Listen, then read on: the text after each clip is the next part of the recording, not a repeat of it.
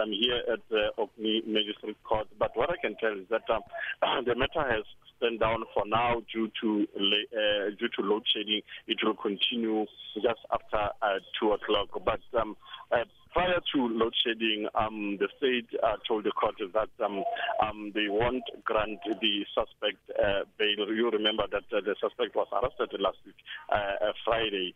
So they are not going to grant uh, him uh, bail because they are saying that uh, they need to get more information from the investigating uh, officer to give them some light as to why uh, are they linking, why the investigating officer link the, the, the suspect to the mother of uh, his wife. But um, uh, the lawyer representing the suspect uh, argued that um, um, it, it, it is in the interest of the of the court to give uh, the, sus- uh, the suspect bail because um, uh, uh, history children, uh, there's no one who's looking uh, after them at home now. It is necessary for the court to grant the uh, suspect uh, a bail in order for him to look after the, the children. But uh, just after two, we'll hear as to whether the, the, the court will grant the uh, suspect bail or not. But uh, the, the, the state is opposing uh, this bail because they are saying that um, this is a Schedule 6, so it's unlikely for him uh, to, to get bail. But we'll hear that just after two, uh, what is going to uh, happen in court.